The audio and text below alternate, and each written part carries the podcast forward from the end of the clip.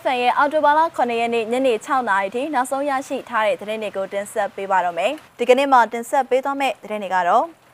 စကိုင်းမြို့နယ်ကလျှက်စစ်မီတာကအတင်းကျပ်ကောက်ခံနေသူရဲ့နေအိမ်ဘုံပစ်သတိပေးခံရတဲ့သတင်း။ဘိုးကလေးမြို့မလော့ကျေးရွာကမိုက်ဒဲတာဝါတိုင်းကိုဘိုးကလေး PDF မိုင်းခွဲဖျက်ဆီးတဲ့သတင်း။ COVID-19 ကြောင့်မြန်မာကုန်သည်တွေရဲ့ပစ္စည်းတွေတရုတ်ဘက်မှတောင်းတင်နေတာနှစ်ဝက်လောက်ကြာပါပြီ။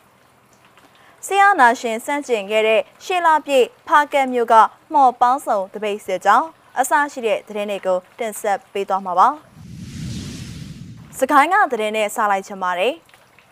စကိုင်းမြို့နယ်တလိုင်းကျေးရွာမှာလျှက်စစ်မီတာကအတင်းကျပ်ကောက်ခံနေတဲ့မီတာကကောက်တဲ့ဝန်ထမ်းဦးထုံးမင်းလက်ရဲ့တလိုင်းကျေးရွာကသူ့ရဲ့နေအိမ်ကိုဒီကနေ့အောက်တိုဘာလ9ရက်နေ့နနက်7:00နာရီကျော်အချိန်မှာဖောင်းတိုင်းဖောင်းတိုင်းအဖွဲ့ကအတန်ဘုံနဲ့ပြစ်ခတ်သတိပေးခဲ့ကြောင်းအဲ့ဒီအဖွဲ့ကမြင်းစီမကိုပြောပါတယ်သူကအာနာသိမ့်မိကလေးကရေကြီးမိကြီးကောက်နေတာပါ သူနဲ့ပတ်သက်ပြီးကျွန်တော်တို့ကိုလာတိုင်တဲ့သူတွေလည်းအယမ်းမျှတယ်လို့ဖောင်းတိုင်းဖောင်းတိုင်းအဖွဲ့တာဝန်ရှိသူတဦးကပြောပါတယ်။မီတာကကဝန်တန်းဦးထုံးမင်းလက်ရဲ့နေအိမ်ကိုအတန်ဖုံးနဲ့သတိပေးပြစ်ခတ်ခြင်းဖြစ်တဲ့အတွက်လူတစုံတရာထိခိုက်မှုမရှိကြောင်းသိရပါတယ်။သတိပေးမှုကိုမလိုက်နာပဲလျှက်စစ်မီတာခတွေကိုဆက်လက်ကောက်ခံနေပါက အသက်အန္တရာယ်အတွက်တက်ညာမှာမဟုတ်ကြောင်းလဲဖောင်းတိုင်းဖောင်းတိုင်းအဖွဲ့ကသတိပေးထားပါတယ်။ဖောင်းတိုင်းဖောင်းတိုင်းအဖွဲ့ဟာစကိုင်းတိုင်းဒေသကြီးဝက်လက်မြို့နယ်မှာအခြေပြုလှုပ်ရှားနေတဲ့အဖွဲ့တစ်ခုဖြစ်ပြီးအော်တိုဘာလ၄ရက်နေ့ညနေ3နာရီအချိန်ခန့်ကလည်းဝက်လက်မြို့နယ်အတွင်း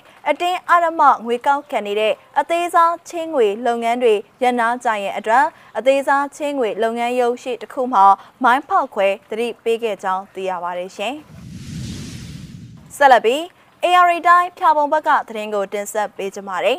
။ဘိုကလေးမြို့နယ်မလော့ကျေးရွာမှာရှိတဲ့အကြမ်းဖက်ဆေးအုပ်စုပိုင်းမိုင်တယ်တာဝါတိုင်းကိုဒီကနေ့မနက်3နာရီလောက်ကမိုင်းခွဲဖျက်ဆီးခဲ့တယ်လို့ဘိုကလေး PDF တာဝန်ရှိသူကပြောပါရယ်။မိုင်းပေါက်ကွဲမှုကြောင့်တိုင်အောက်ခြေမှာရှိတဲ့ပုံးတွေအလုံးပျက်စီးသွားခဲ့ပါတယ်။ဖြာပုံ PDF ဘိုကလေး PDF ကြိုင်လက် PDF နဲ့အမာ PDF တို့ပေါင်းပြီး9လပိုင်းလောက်ခရဲက အေယာကဗေဒာဖျာပုံခရိုင်အင်အားစုဆိုပြီးဖွဲ့စည်းထားကြတာပါဒီကနေ့မနက်မိုက်တယ်တာဝါတိုင်းဖောက်ခွဲမှုကိုအေယာကဗေဒာဖျာပုံခရိုင်အင်အားစုအဖွဲ့အနေနဲ့လှုပ်ဆောင်ခဲ့တာဖြစ်တယ်လို့ဘိုကလေး PDF တာဝန်ခံတအုပ်ကပြောပါတယ်တာဝါတိုင်းကိုဖောက်ခွဲအပြီးဒီကနေ့မနက်ပိုင်းမှာစစ်သားနဲ့ရဲတွေကလာရောက်စစ်ဆေးခဲ့ပါသေးတယ်။ AR တိုင်းထဲမှာတော့ မိုက်တာတာဝါတိုင်းဖျက်ဆီးခံရတာ6ကြိမ်အထိရှိလာပြီလို့သိရပါတယ်။အေယာကဗေဒာဖျာပုံခရိုင်အင်အားစုဟာဖျာပုံခရိုင်ထဲမှာဘုံဖောက်ခွဲမှု15ကြိမ်နဲ့အထက်ပြုလုပ်ခဲ့ပြီးဖြစ်တဲ့အကြောင်းကိုတာဝန်ရှိသူတဦးရဲ့ပြောကြားချက်အရသိရပါတယ်ရှင်။ဆက်လက်ပြီးတော့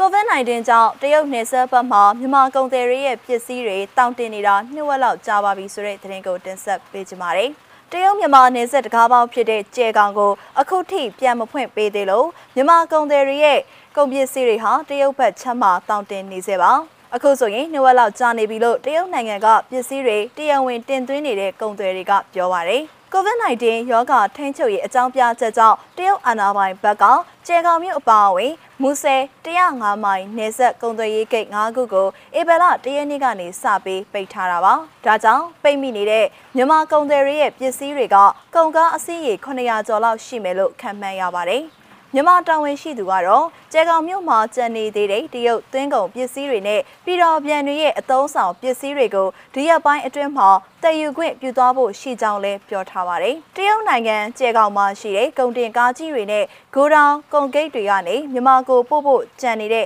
သွင်းကုန်ပစ္စည်းတွေကိုမကြခင်မှာမြန်မာနိုင်ငံစီသတ်မှတ်လုံထုံးလုံနည်းတွေနဲ့အညီတင်သွင်းခွင့်ပြုမှာဖြစ်တယ်လို့ မူဆယ်နန့်ခမ်းနယ်ဆက်ကုံသွေးရေးကုံသွေးများအသင်းကစထုတ်ထားပါတယ်ရှင်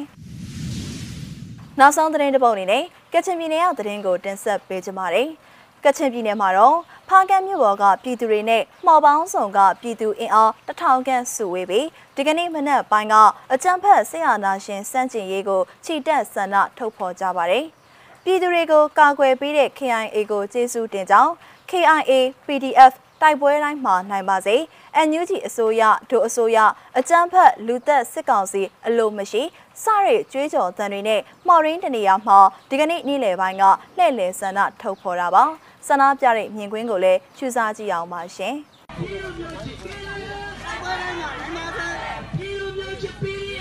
က်ပွဲတိုင်းမှာနိုင်ပါစေ